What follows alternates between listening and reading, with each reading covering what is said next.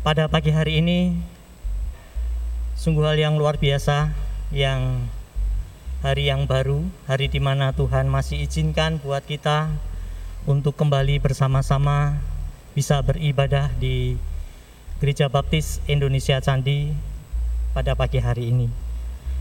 Sebelum kita masuk dalam ibadah kita pada pagi hari ini, saya menghimbau kepada seluruh jemaat agar bisa kembali melihat HP agar bisa di silent ketika kita mau ibadah kepada Tuhan. Tidak ada gangguan dari HP kita kecuali Tuhan Yesus yang memanggil. Ya jadi kita bisa mengarahkan hati dan pikiran kita benar-benar tertuju kepada Tuhan pada pagi hari ini. Saya akan membacakan beberapa pengumuman. Untuk pengumuman yang akan dilakukan pada tugas-tugas untuk minggu depan bisa memperhatikan melalui buletin dan yang Bapak Ibu Saudara terima untuk kebaktian minggu tanggal 5 baik itu kebaktian sesi 1, sesi 2, bahasa Inggris dan kebaktian sore. Pengumuman selanjutnya yaitu jadwal sekolah minggu secara offline untuk hari ini, Minggu tanggal 28 November 2021,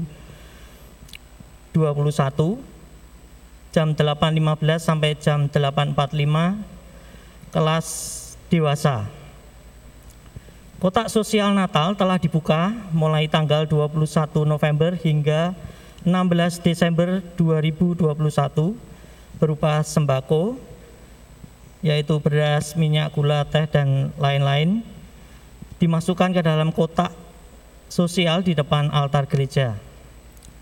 Dan bila mana akan memberikan berupa uang, bisa dimasukkan ke dalam kantong persembahan, ditulisi untuk sosial Natal, atau diberikan kepada saudari Hilda, si sosial Natal. Bagi yang hadir secara streaming, persembahan bisa dibawa ke gereja atau lewat penjemputan atau transfer atas nama Gereja Baptis Indonesia Candi, Bank Mandiri nomor rekening 13600167877 strip 1 dan melaporkan kehadiran setiap acara kebaktian melalui WA kepada Ibu Maria. Gereja Baptis Indonesia Candi mengucapkan selamat ulang tahun tanggal 28 November Ibu Noviani Wahyu Putri tanggal 30 November adik Javier Evan Pradita, 1 Desember Bapak Kurniawan Wisnu Wardana, tanggal 2 Desember Ibu Suyatmi Paino, Bapak Oni Pantoro, tanggal 4 Desember Ibu Ami Sukiyatmi, Saudari Abigail Elizabeth Rimun. Pagi hari ini ada kartu tamu pada kesempatan ini, Saudari Evita Widya S yang beralamatkan Jalan Taman Kini Balu, asal gereja dari Mater Lamper Sari. Mohon bisa berdiri agar jemaat bisa menyambut kehadiran saudari. Terima kasih atas kehadirannya. Dan di lain kesempatan bisa hadir kembali untuk bisa beribadah kepada di Gereja Baptis Indonesia Candi. Mari kita akan persiapkan hati kita untuk menghampiri takhta Tuhan. Saya mengundang jemaat untuk berdiri.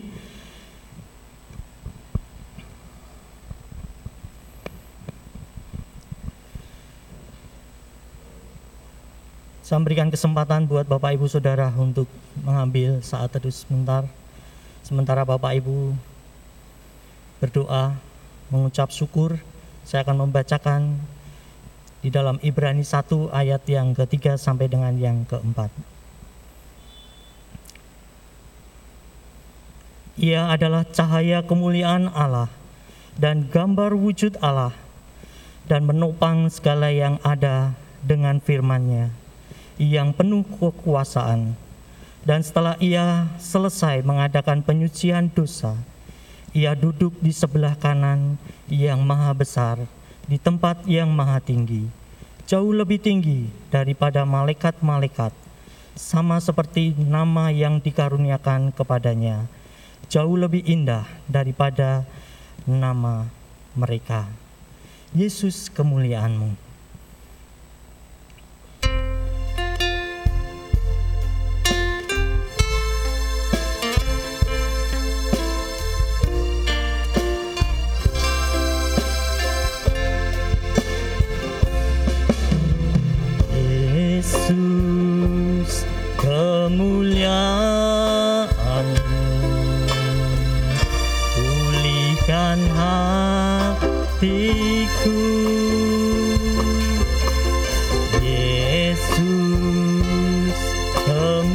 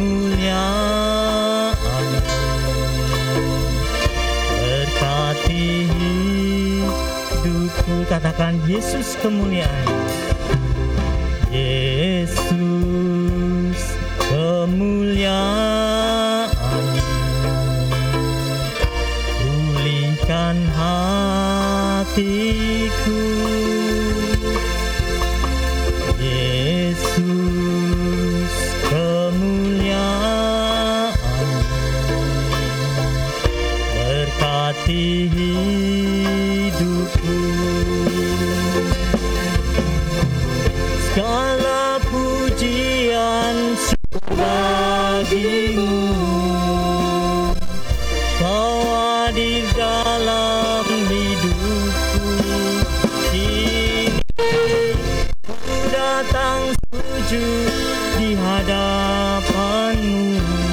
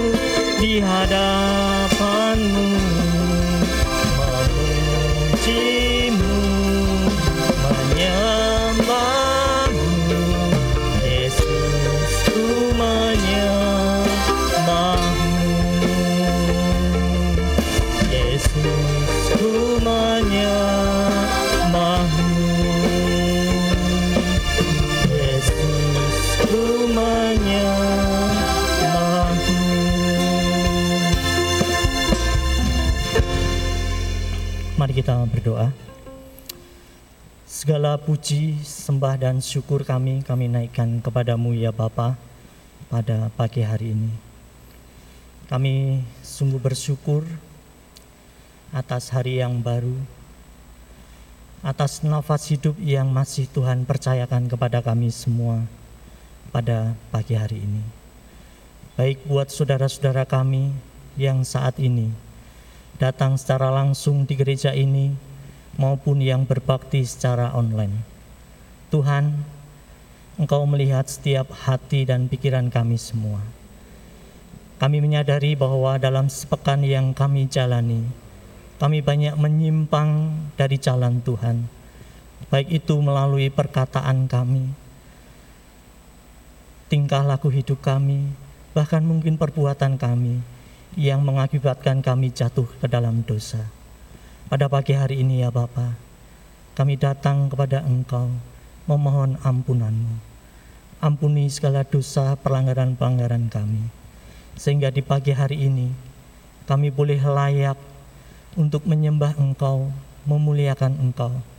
Bahkan kami boleh mendengarkan firman-Mu, firman yang senantiasa boleh menguatkan kami di dalam kami menjalani hidup kami.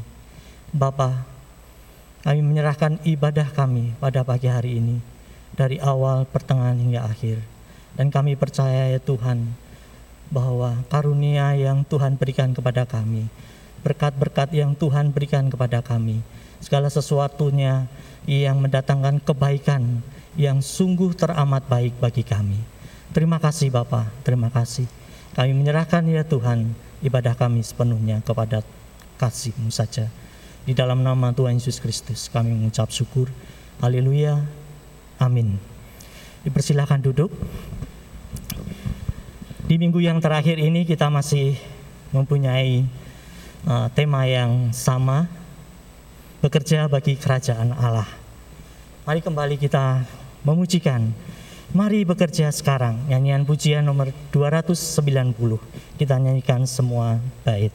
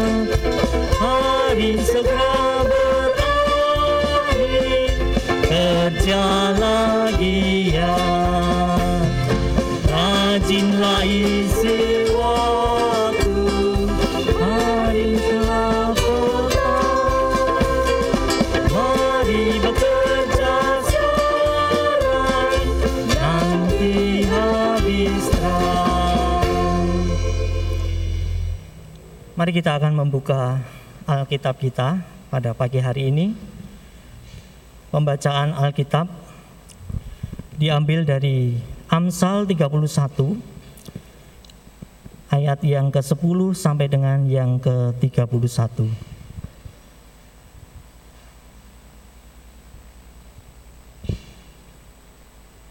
Kita akan baca silih berganti. Saya akan membaca ayat yang bernomor genap, Bapak Ibu Saudara bersama Singer akan membaca ayat yang bernomor ganjil. Demikian bunyi firman Tuhan dengan judul perikop Puji-pujian untuk istri yang cakap. Istri yang cakap, siapakah akan mendapatkannya? Ia lebih berharga daripada permata Hati suaminya percaya kepadanya, suaminya tidak akan kekurangan keuntungan. Ia berbuat baik kepada suaminya dan tidak berbuat jahat sepanjang umurnya. Ia mencari bulu domba dan rami dan senang bekerja dengan tangannya. Ia serupa kapal-kapal saudagar, dari jauh ia mendatangkan makanannya. Ia bangun kalau masih malam, lalu menyediakan makanan untuk seisi rumahnya, dan membagi-bagikan tugas kepada pelayan-pelayannya perempuan. Ia membeli sebuah ladang yang diingininya, dan dari hasil tangannya kebun anggur ditanaminya. Ia mengikat pinggangnya dengan kekuatan, ia menguatkan lengannya. Ia tahu bahwa pendapatannya menguntungkan pada malam hari pelitanya tidak padam. Tangannya ditaruhnya pada jentera, jari-jarinya memegang pemintal. Ia memberikan tangannya kepada yang tertindas, mengulurkan tangannya kepada yang miskin. Ia tidak takut kepada salju untuk seisi rumahnya, karena seluruh isi rumahnya berpakaian rangkap. Ia membuat bagi dirinya permadani, lenan halus, dan kain ungu pakaiannya. Suaminya dikenal di pintu gerbang, kalau ia duduk bersama-sama para tua-tua negeri. Ia membuat pakaian dari lenan dan menjualnya. Ia menyerahkan ikat pinggang kepada pedagang. Pakaiannya adalah kekuatan dan kemuliaan. Ia tertawa tentang hari depan. Ia membuka mulutnya dengan hikmat, pengajaran yang lemah lembut ada di lidahnya. Ia mengawasi segala perbuatan rumah tangannya, makanan kemalasan tidak dimakannya. Anak-anaknya bangun dan menyebutnya berbahagia. Pula suaminya memuji dia. Banyak wanita telah berbuat baik, tetapi kau melebihi mereka semua. Kemuliaannya adalah bohong dan kecantikan adalah sia-sia, tetapi istri yang takut akan Tuhan dipuji-puji. Berilah kepadanya bagian dari hasil tangannya, biarlah perbuatannya memuji dia di pintu-pintu gerbang. Amin.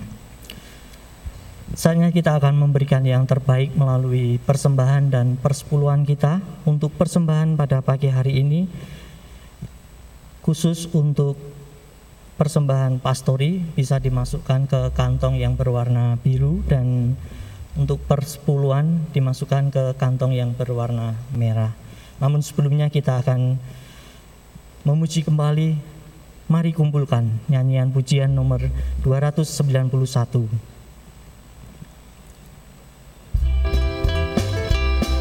Saya mengundang jemaat untuk berdiri.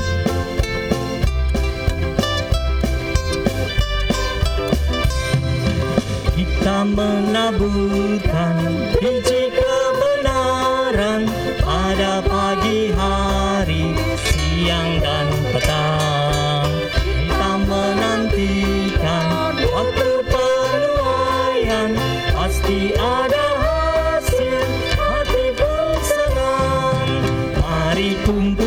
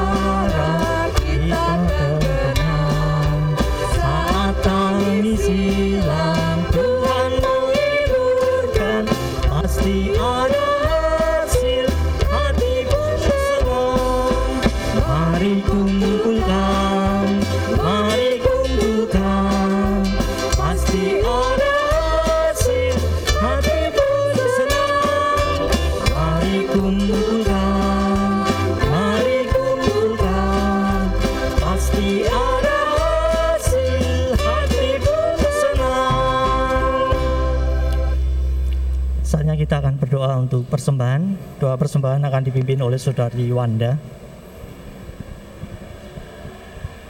Mari kita berdoa.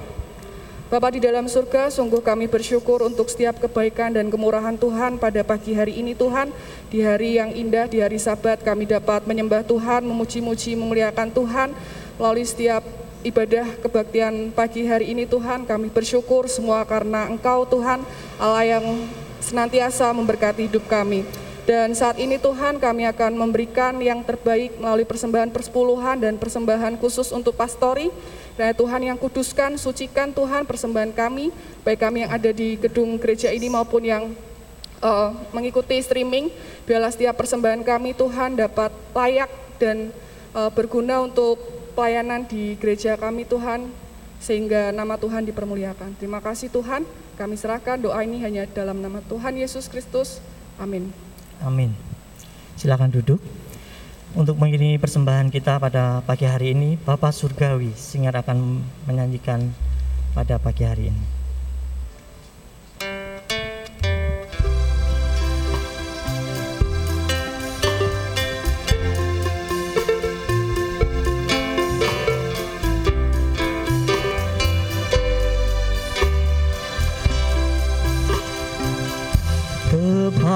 Kepada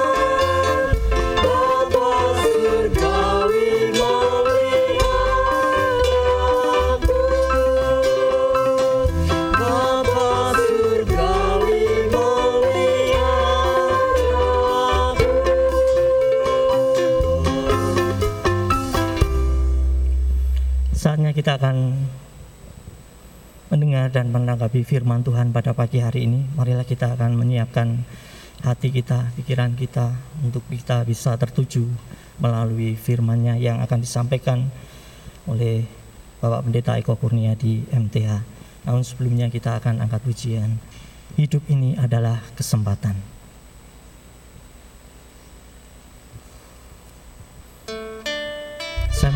Mengundang jemaat untuk berdiri.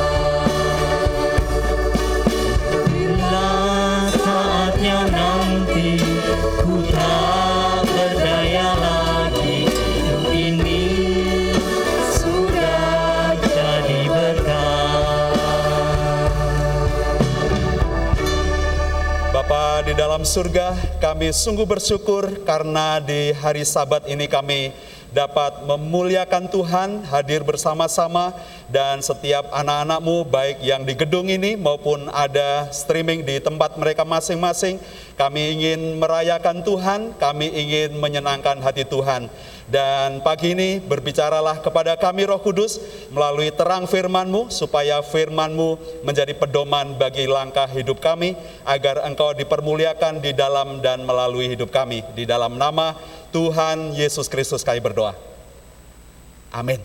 Silahkan duduk kembali saudara-saudara. Shalom, selamat pagi. Nah, puji Tuhan, hari ini kita kembali dapat beribadah kepada Tuhan. Eh, saya ingin menyambut ada tamu kita eh, selain Mbak Ervita, ada yang kedua adalah eh, Cesa Mahdalena dari GKJ Ungaran. Mungkin boleh berdiri, silakan. Ya, terima kasih Mbak kedatangannya. Tuhan Yesus memberkati. Baik, saudara-saudara, mari kita akan buka teks yang sudah kita baca tadi. Saya memberi judul khotbah saya bekerja dan berdampak. Saudara-saudara, kita akan melihat di dalam Amsal 31 ayat 10 sampai dengan ayat yang ke-31. Itu ayatnya panjang, jadi saya ingin mendasarkan khotbah saya pagi ini berdasarkan teks ini. Saudara-saudara, kalau Anda memperhatikan dalam uh, Amsal 31 ayat 10 sampai ayat yang ke-31, ini sebuah puisi yang didahului dengan akrostik yaitu huruf uh, dalam bahasa Ibrani. Jadi ada seperti saya sudah menyiapkan sebenarnya hanya tidak bisa tampil. Uh, silakan nanti saudara bisa cek ya di dalam uh, YouTube ya.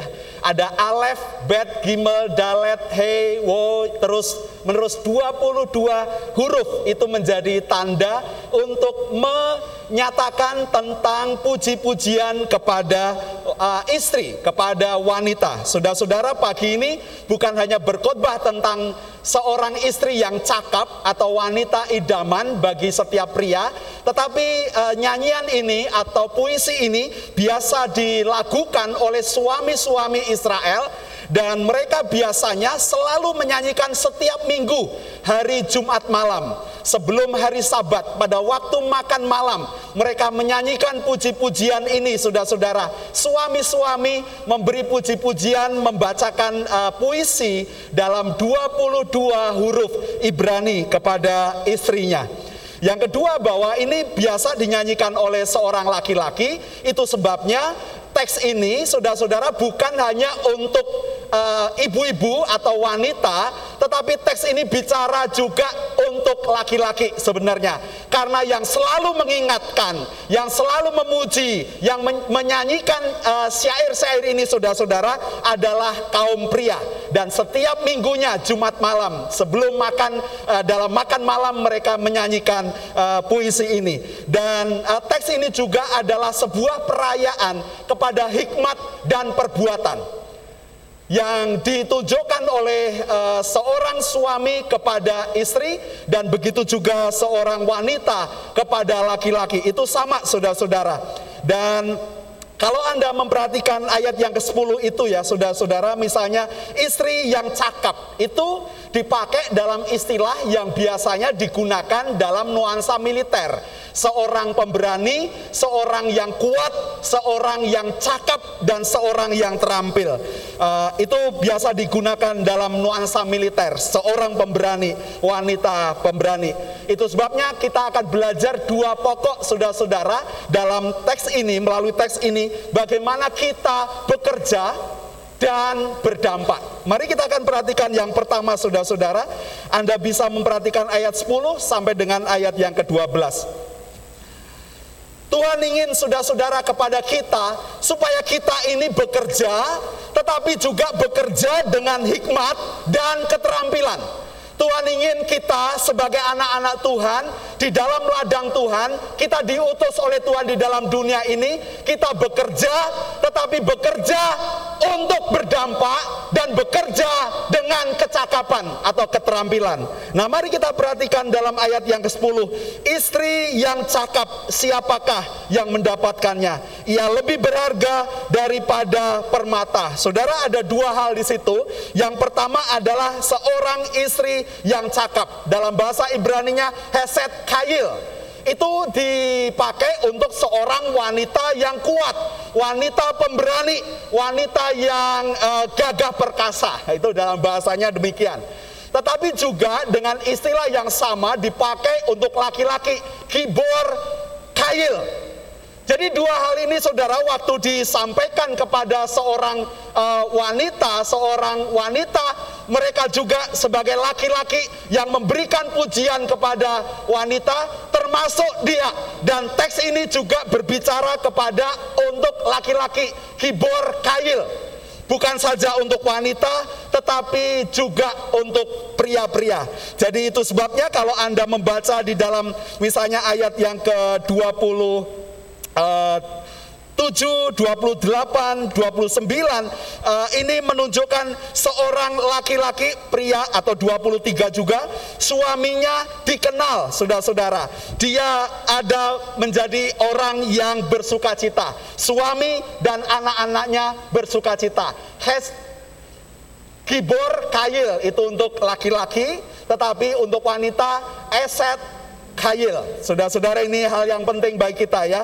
Nah, dalam gambaran orang Israel, saudara-saudara, teks ini biasa dibandingkan uh, kepada seorang tokoh yang namanya Ruth. Saya membaca beberapa literatur dan juga ada kesaksian. Saya mencari tahu bagaimana tradisi orang-orang Israel sampai hari ini terkait dengan teks ini. Sampai hari ini saudara-saudara banyak rabi-rabi Yahudi uh, berkata bahwa teks ini bicara tentang seorang tokoh yang namanya Ruth. Meskipun apa yang dilakukan Ruth berbeda dengan apa yang disampaikan dalam ayat-ayat ini, tetapi kalau Anda membaca di dalam Ruth pasal 3 ayat 11, uh, Boas berkata bahwa Ruth ini adalah seorang perempuan yang baik.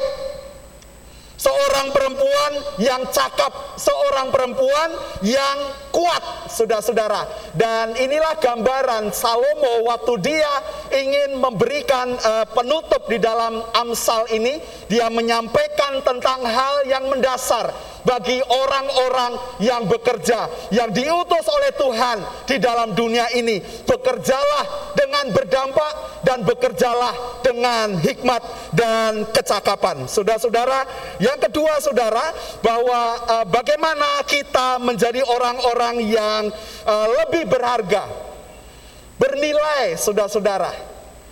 Ya, umur saya tidak panjang, saudara, umur saya singkat, kehidupan kita di bumi ini singkat, sangat terbatas. Kita bisa bekerja hari ini, tetapi ada mindset tipologi orang dapat bekerja waktu dia dapat bekerja pada masa dia hidup.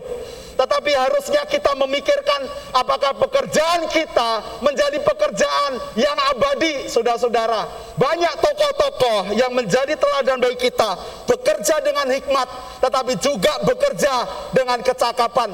Karena kehidupannya, pekerjaannya memberi dampak berharga, orang ini dipercaya, orang ini bermanfaat dan sepanjang hidupnya dia tidak berbuat jahat. Saudara, Anda melihat dalam ayat yang ke-12, 10, 11, 12 itu memberitahukan kepada kita bagaimana kita memiliki kehidupan yang bekerja dengan hikmat dan tetapi juga kita bekerja dengan berdampak. Saudara ini hal yang sangat penting bagi kehidupan kita. Kadang kita hanya ingin berdampak kepada orang di sekitar kita yang paling dekat. Tetapi kalau Anda memperhatikan di dalam ayat-ayat ini, saudara misalnya Anda bisa membuka dan membaca dalam ayat yang ke-20, ia memberikan tangannya kepada yang tertindas. Ada orang yang menderita, dia memberikan tangannya, hasil tangannya untuk mereka yang tertindas tetapi juga orang-orang miskin yang ditempatkan di sekitar hidupnya, dia juga berdampak untuk mereka.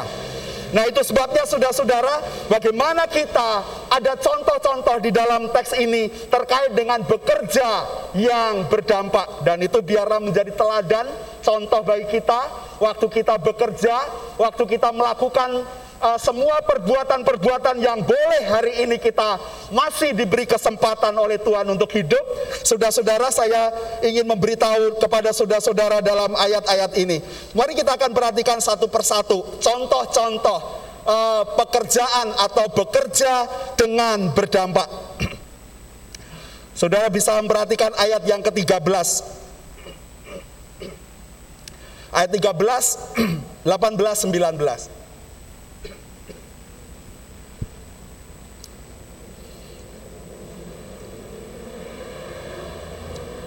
Ia mencari bulu domba dan rami dan senang bekerja dengan tangannya. Kemudian ayat yang ke-18 19 ia tahu bahwa pendapatannya menguntungkan.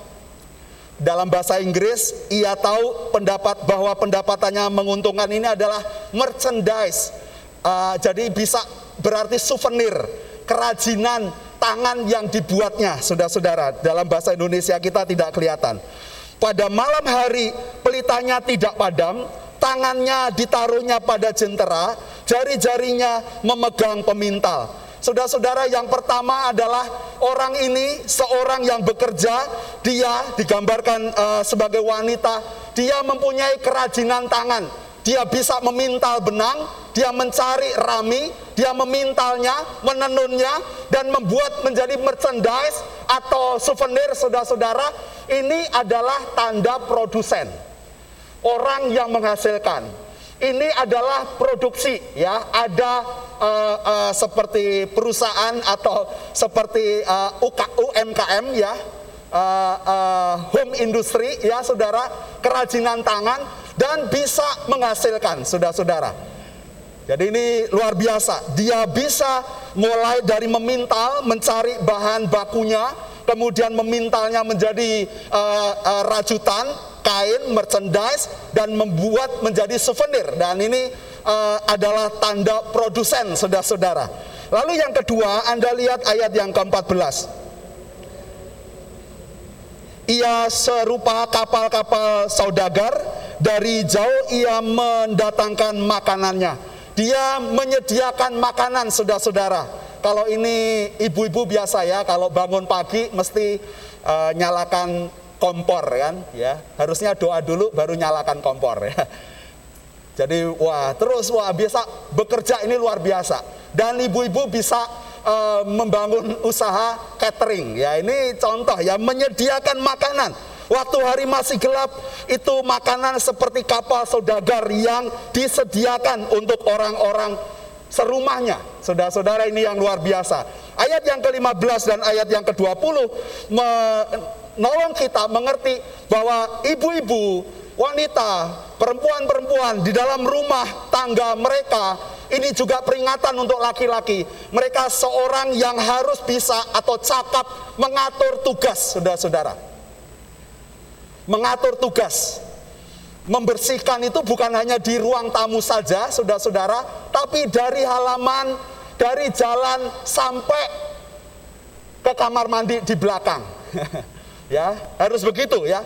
E, mengatur tugas, mengatur tugas kepada para penolong pembantu yang ada di rumahnya, para pekerja karyawan yang ada di rumahnya.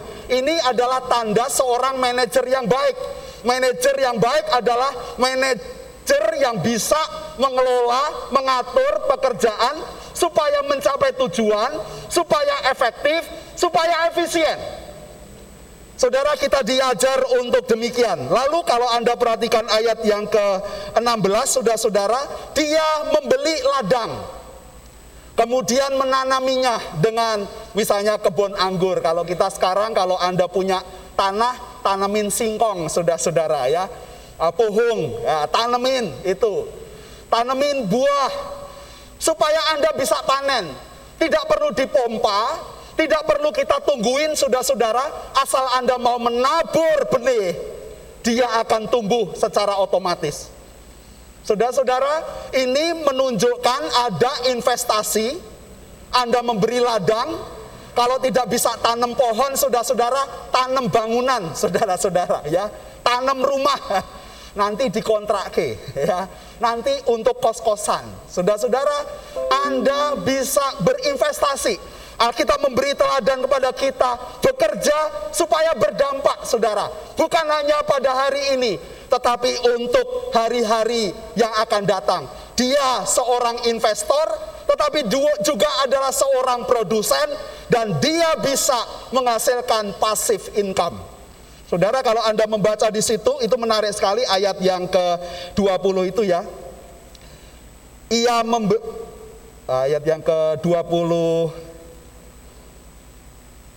Ayat yang ke-16, minta maaf. Ayat yang ke-16. Ia membeli sebuah ladang ya yang diingininya dan dari hasil tangannya kebun anggur ditanaminya. Jadi eh, kebun anggur yang ditanaminya akan menghasilkan, memberikan hasil kepada kita, saudara-saudara. Lalu ayat yang ke-20, saudara-saudara. Ia memberikan tangannya kepada yang tertindas ia memperhatikan orang-orang yang tertindas, yang miskin. Nah, biasanya perusahaan itu ada namanya CSR. Itu bantuan dari profit yang mereka punya, dia berikan untuk pengembangan masyarakat yang ada di sekitarnya. Saudara-saudara, ini juga harus dilakukan oleh anak-anak Tuhan supaya pekerjaan kita berdampak, saudara-saudara. Ya. Membantu yang tertindas, cari orang-orang yang miskin, dan layani mereka. Ada kemurahan hati, keuntungan Anda bisa menjadi alat untuk kita menunjukkan belas kasihan dan kemurahan hati. Jangan bilang waktu Anda merasa uh, belum cukup, Anda bebas dari tanggung jawab untuk menjadi berkat bagi orang lain. Tidak, saudara-saudara.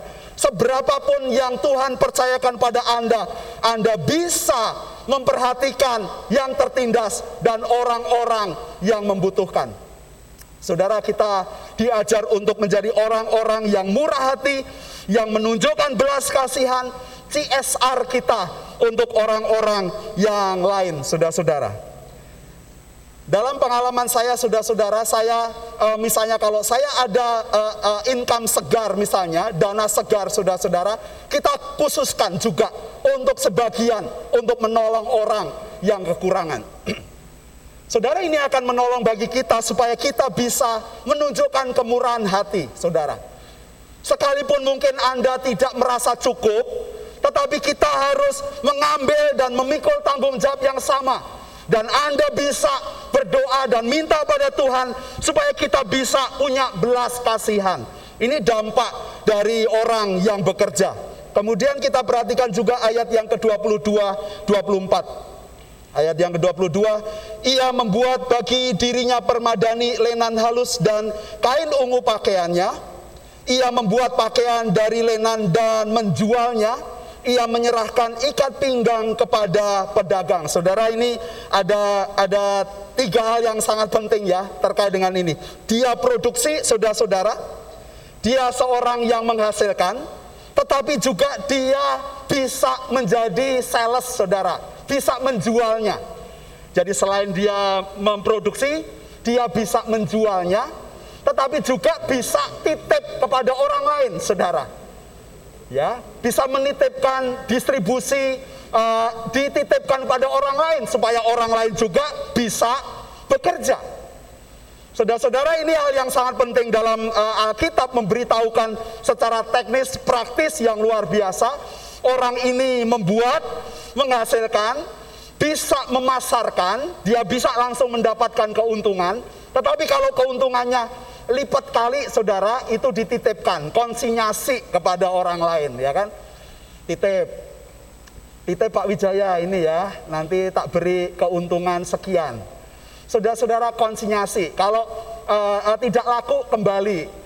Saya bisa ikut menjual saudara-saudara produksi marketing sales dan distribusi Saudara-saudara kita bisa mengembangkan pelayanan-pelayanan kita demikian karena Tuhan memberikan hikmat dan pekerjaan kita akan berdampak. Saudara tahu New Life ya yang sudah membeli New Life. Nah, saya dihubungi suara baptis Pendeta Eko, kita mau beli New Life dalam bentuk digital. Wah, jadi dia mau tampilkan digital. Oke, uh, sharing profitnya gimana Pak? Atur saja. Saudara-saudara, kita juga diajar untuk punya hikmat, untuk bisa uh, mengelola sumber-sumber daya kita, supaya kita bisa menghasilkan. Dan Tuhan memberkati kita, saudara-saudara. Anda uh, yang ketiga, saudara-saudara, kita diberi uh, juga hikmat supaya masa depan, hari depan kita itu diperhatikan. Sudah lihat ayat yang ke-25 seorang yang bekerja, dia memperhatikan hari depannya. Alkitab memberitahukan pada kita bahwa orang yang bekerja dan berdampak, berdampak untuk masa depan. Berdampak untuk masa depan. Diberi tujuan, ya, dan orang ini juga bisa atau sudah siap untuk hari esok. Saudara bisa lihat ayat yang ke-25. Pakaian pakaiannya adalah kekuatan dan kemuliaan. Ia tertawa tentang hari depan. Ada masa depan. Jadi ini penting untuk menabung efisien, efektif, menggunakan sumber-sumber yang Tuhan percayakan kepada Anda dan saya, saudara-saudara, digunakan untuk hari depan. Ini sangat penting dan hari depan dipersiapkan, dikerjakan hari ini, saudara-saudara. Anda juga diberitahu dalam ayat yang ke-26 bahwa e, bekerja itu adalah biarlah kehidupan kita ini mengajar orang lain. Seperti eh, perempuan-perempuan Israel ya ayat yang ke-26 ia membuka mulutnya dengan hikmat pengajarannya lemah lembut, ada di lidahnya. Kehidupan kita mengajarkan. Orang bisa belajar dari kehidupan kita. Nah, itulah kehidupan atau pekerjaan yang berdampak, saudara-saudara. Orang diberi hikmat, tetapi juga dengan kelemah lembutan kita bisa hidup dan hidup kita mengajar. Lalu etika yang lain saudara-saudara diajarkan di situ bahwa kita tidak malas saudara-saudara. Nah ini pekerjaan seorang pengawas, seorang supervisor, seorang yang mengawasi, selalu bekerja. Jangan pikir kalau pengawas itu hanya ngeliat waktu ada masalah. Tidak saudara-saudara. Pengawas, supervisor akan bekerja, dia bisa memastikan tujuan tercapai, cara-cara ke depan sudah ditentukan dengan efektif, dengan efisien.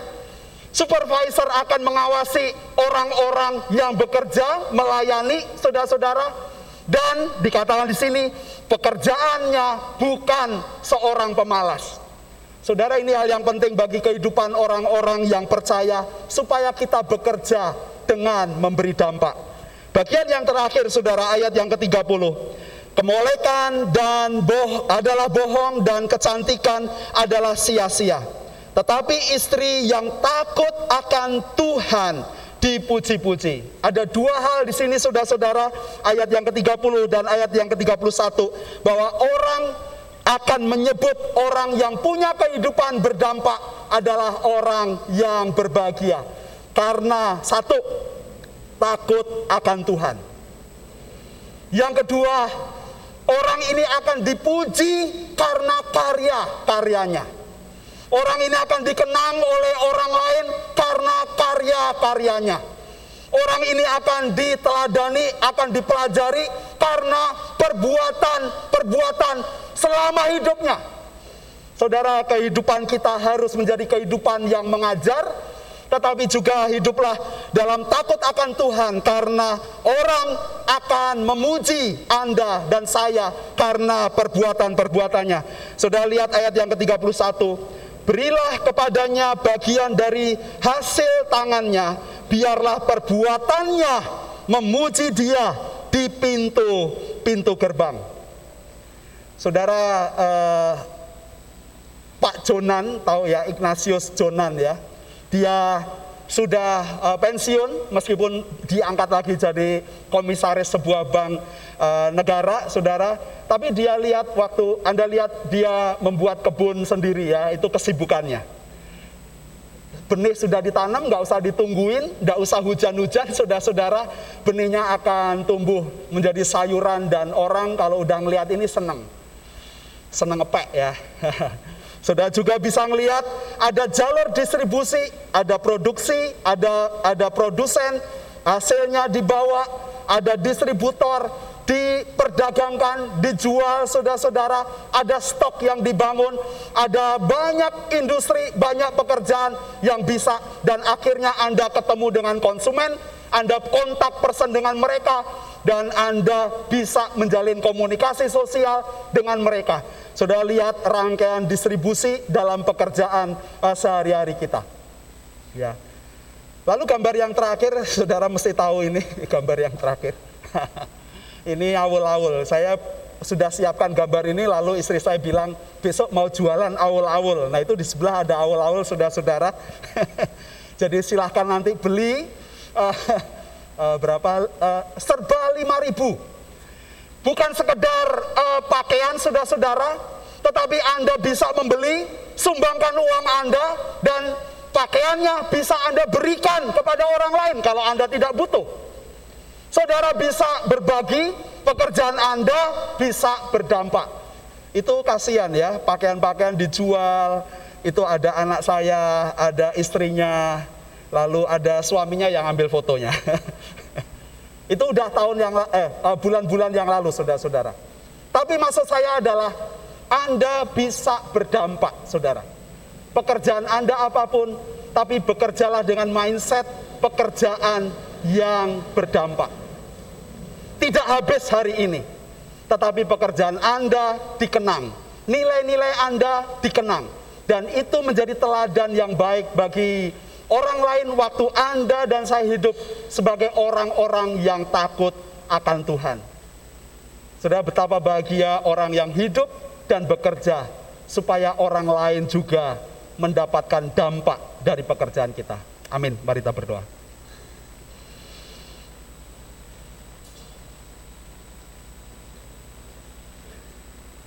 Terima kasih Tuhan. Biarlah firman-Mu menjadi benih yang akan bertumbuh dengan subur di dalam hati kami yang baik. Sehingga engkau dipermuliakan dan firman-Mu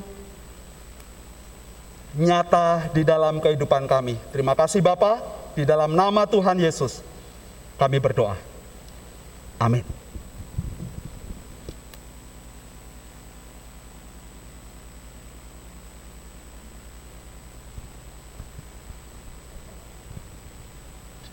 Shalom saudaraku, selamat pagi.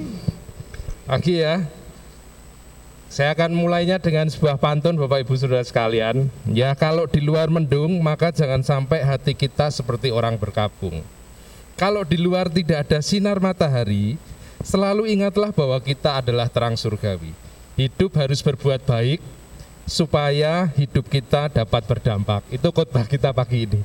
Bapak Ibu Saudara sekalian, saya pada pagi ini akan uh, menyampaikan bahwa kita akan mengadakan muger atau musyawarah gereja karena ini adalah sesuatu yang harus kita ambil sebagai keputusan bersama bagaimana gereja ini dapat berdampak, bagaimana jemaat Tuhan yang ada di tempat ini dapat senantiasa bersyukur dengan cara-cara seperti yang sudah kita dengar di khotbah pagi hari ini.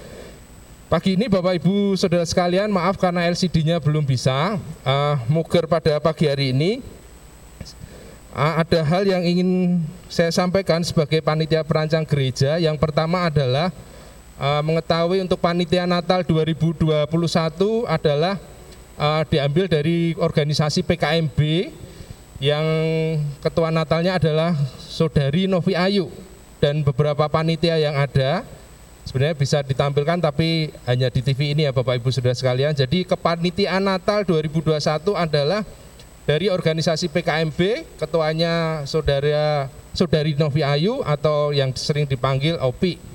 Dan struktur dari setiap pengurusan sudah ada di dalamnya. Kalau Bapak Ibu Saudara sekalian mengendaki untuk mengetahui nanti dapat memintanya di sekretariat gereja.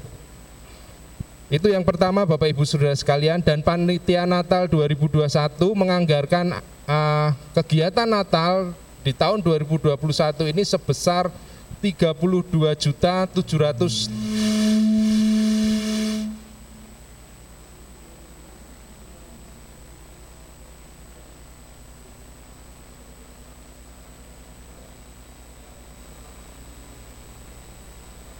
sehingga Natal pada tahun 2021 ini sebesar anggarannya 32 juta 731 rupiah.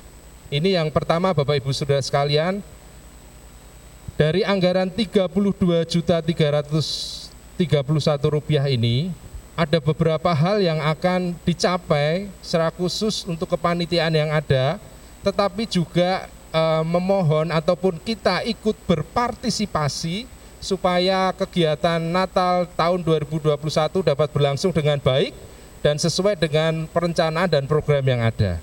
Tetapi terlebih dahulu kita mau menyepakati di pagi hari ini bahwa total anggaran Natal 32.731 ini dapat kita realisasikan dan di bulan Desember ini dapat segera dilakukan dengan baik dan kita terus berharap dan terus memohon pada pertolongan Tuhan bahwa kita dapat mencapai nominal yang sudah uh, disusun dengan baik oleh panitia. Dari anggaran yang per, dari uh, muger yang pertama ini khusus pemberitahuan 37 32 731 juta rupiah ini ada pertanyaan Bapak Ibu Saudara sekalian yang ingin disampaikan? Kalau tidak ada pertanyaan, apakah Bapak Ibu Saudara sekalian sepakat bahwa total anggaran Natal 32 juta 731 ribu rupiah ini dapat di apa dilaksanakan dengan baik atau dapat dicapai dengan baik dan tidak ada hal-hal yang kita terus berharap ya bahwa ini akan tercapai dengan baik. Apa Bapak Ibu sepakat untuk anggaran Natal 2021? Silahkan angkat tangan. Terima kasih. Ada yang tidak sepakat? Baik, rata-rata sepakat ya Bapak Ibu Saudara sekalian. Saya akan memberitahukan eh, langkah-langkah uh, apa saja yang diambil khususnya supaya kita dapat berpartisipasi atau berdampak khususnya di Natal 2021. Yang pertama seperti yang disampaikan pendeta tadi, kita dapat berkontribusi uh, dengan minimal tapi hasil maksimal.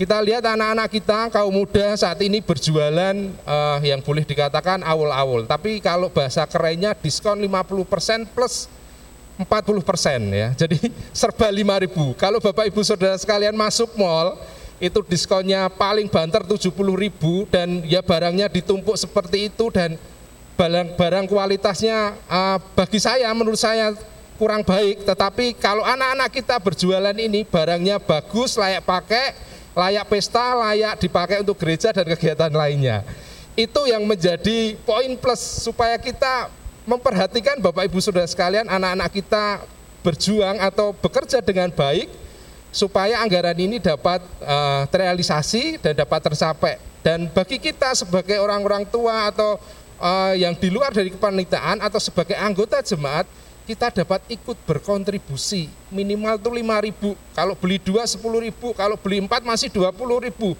Itu murah banget. Ya.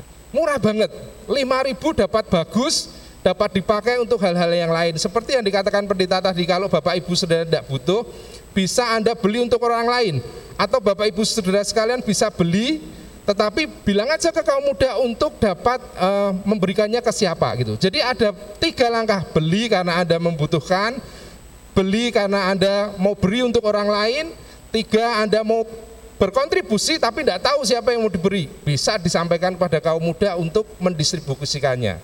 Jadi itu tiga langkah ya. Kalau beli makanan 20 ribu pulang gereja, ah beli beli soto gitu setelah itu selesai. Tidak ada nilai-nilai yang berdampak. Tidak ada nilai-nilai yang dapat kita uh, berikan untuk dikenang. Tetapi dengan ribu rupiah Bapak Ibu Saudara sekalian, Bapak Ibu Saudara sekalian dapat ikut berpartisipasi di dalam anggaran Natal tahun 2021 melihat anak-anak kita yang sebenarnya bukan hanya di sini saja mereka menjual, mereka itu ke pasar-pasar dan sebagainya. Dan laku karena kualitas barangnya bagus. Dan ini kesempatan buat kita untuk menunjukkan berkontribusi bahwa mereka menggelar basar ini supaya dapat bermanfaat bagi kita semua. Di samping itu uang Bapak Ibu Saudara sekalian juga bermanfaat untuk anggaran Natal 2021. Mereka juga akan jual catering. Bapak Ibu juga kalau seumpama Anda berminat di pasar, Anda bisa ambil catering yang dijual oleh panitia dana usaha untuk Natal 2021. Jadi ada berbagai macam hal yang dapat kita lakukan ikut berkontribusi di untuk mensukseskan anggaran Natal sebesar 32 731 ribu. Anda datang bersama-sama supaya anak-anak muda ini juga semangat Bapak Ibu Saudara sekalian. Kalau Bapak Ibu Saudara keluar gereja, nanti bisa uh, menyaksikan basar dan yang tertarik beli. Jangan sampai basar itu sepi, yang yang ramai hanya lalat saja ya. Kalau Bapak Ibu Saudara sekalian datang lalatnya hilang, pergi diganti dengan kedatangan kita. Anak-anak kita semangat, anak-anak kita uh, dapat terus mengambil bagian untuk pelayanan. Itu intinya Bapak Ibu Saudara sekalian. Poin yang kedua yang saya ingin beritahukan adalah bahwa kita punya cabang gereja yaitu Pondok Raden Patah dan bulan-bulan yang lalu dan saat ini masih terancam dengan yang namanya rob. Beberapa minggu yang lalu mereka tidak bisa beribadah di gereja karena air masuk sampai ke ruang ibadah sehingga mereka tidak bisa beribadah. Hari-hari sebelumnya, minggu-minggu sebelumnya itu masih biasa, walaupun tergenang air masuk, walaupun mereka masuk gereja dengan tidak pakai sepatu, karena airnya airnya masih di batas mata kaki, tapi karena minggu yang lalu itu tinggi, jadi sama sekali tidak bisa beribadah. Dengan ini Bapak Ibu Saudara sekalian kita sebagai induk, gereja induk memikirkan cabang supaya mereka bersemangat kembali beribadah, supaya mereka punya antusias menjelang di bulan-bulan Natal ini menyambut kelahiran Kristus. Gereja memutuskan untuk memberi bantuan dana untuk penanganan rob GBI Candi cabang Raden Patah sebesar 4 juta 4 juta rupiah yang diambilkan dari talangan dana gedung gereja Bapak Ibu Saudara sekalian. Jadi ini hal yang perlu kita sepakati supaya uh, dana ini dapat segera direalisasikan dan Pondok Raden Patah dapat segera meninggikan dengan tanah huruf sehingga mereka dapat beribadah dengan nyaman, dengan lantai yang kering dan mereka bersekutu muji Tuhan, bersyukur atas segala kebaikan Tuhan. Dari poin yang kedua ini Bapak Ibu Saudara sekalian, adakah pertanyaan yang ingin disampaikan? Kalau tidak ada, apakah kita sepakat memberi dana, dana bantuan 4 juta rupiah kepada cabang Pondok Raden Patah khususnya untuk penanganan rob dan peninggian tempat ibadah, silahkan angkat tangan. Terima kasih Bapak Ibu Saudara sekalian, kiranya kasih anugerah Tuhan senantiasa melingkupi kita dan kita dapat menjadi gereja yang berdampak, menjadi jemaat yang berdampak. Tuhan Yesus memberkati.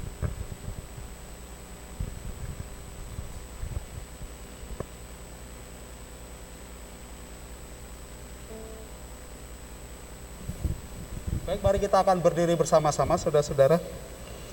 Kita akan berdoa syafaat dan menutup dengan doa berkat. Bapa di dalam surga, kami sungguh bersyukur karena pagi ini kami dapat kembali datang padamu dalam doa. Kami berdoa untuk uh, bangsa dan negara kami, khususnya di uh, tetapkannya PPKM level 3 untuk seluruh uh, negeri kami untuk mengantisipasi gelombang ketiga wabah COVID-19. Kami mohon kepadamu Tuhan, campur tanganmu, dan biarlah semua perangkat yang diperlukan dapat di uh, lakukan dengan baik dari setiap uh, sumber daya manusianya, kemudian uh, komunikasi dan informasi sosialisasi yang diperlukan supaya sampai kepada semua uh, rakyat kami di seluruh pelosok negeri ini supaya dapat waspada terhadap gelombang ketiga dari pandemi COVID-19 ini sehingga semua baik Natal, tahun baru dan libur panjang dan semua aktivitas masyarakat dapat tetap berjalan dengan baik karena campur tangan Tuhan. Dan kami mohon biarlah uh, program vaksinasi yang terus berjalan dapat digencarkan dengan baik. Kami bersyukur karena sudah uh, lebih dari 260 juta uh, vaksinasi yang sudah dilakukan dan kami bersyukur dan biarlah ini terus dapat ditingkatkan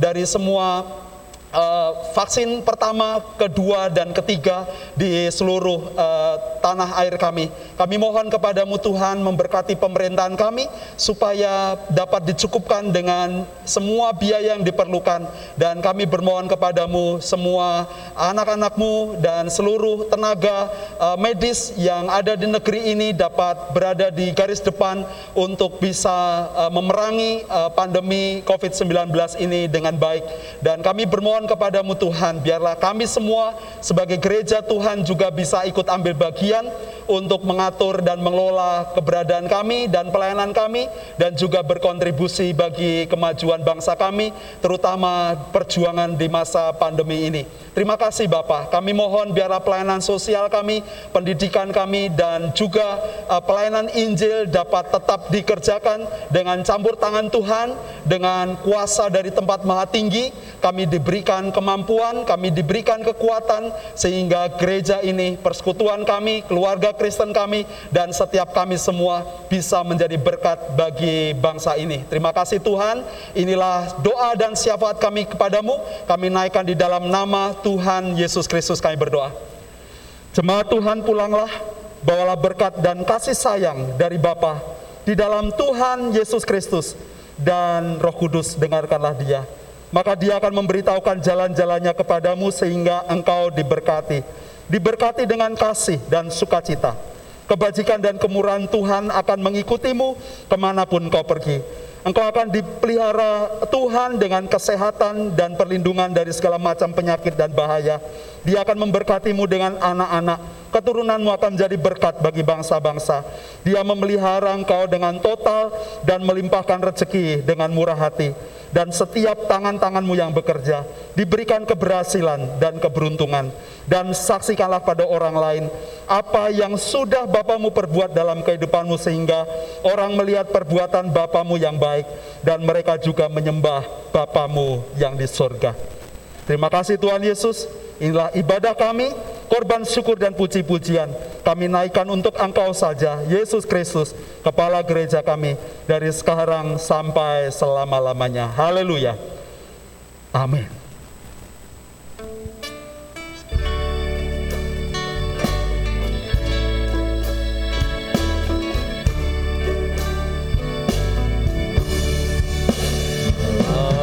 Tuhan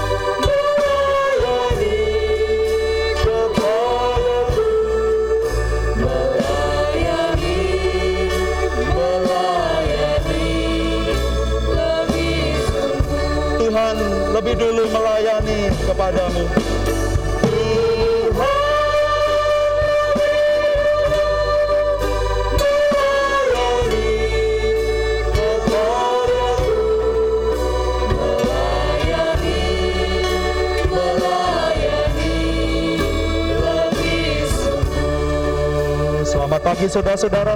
Silakan ambil saat teduh, bekerja bagi kerajaan Allah. Tuhan Yesus memberkati.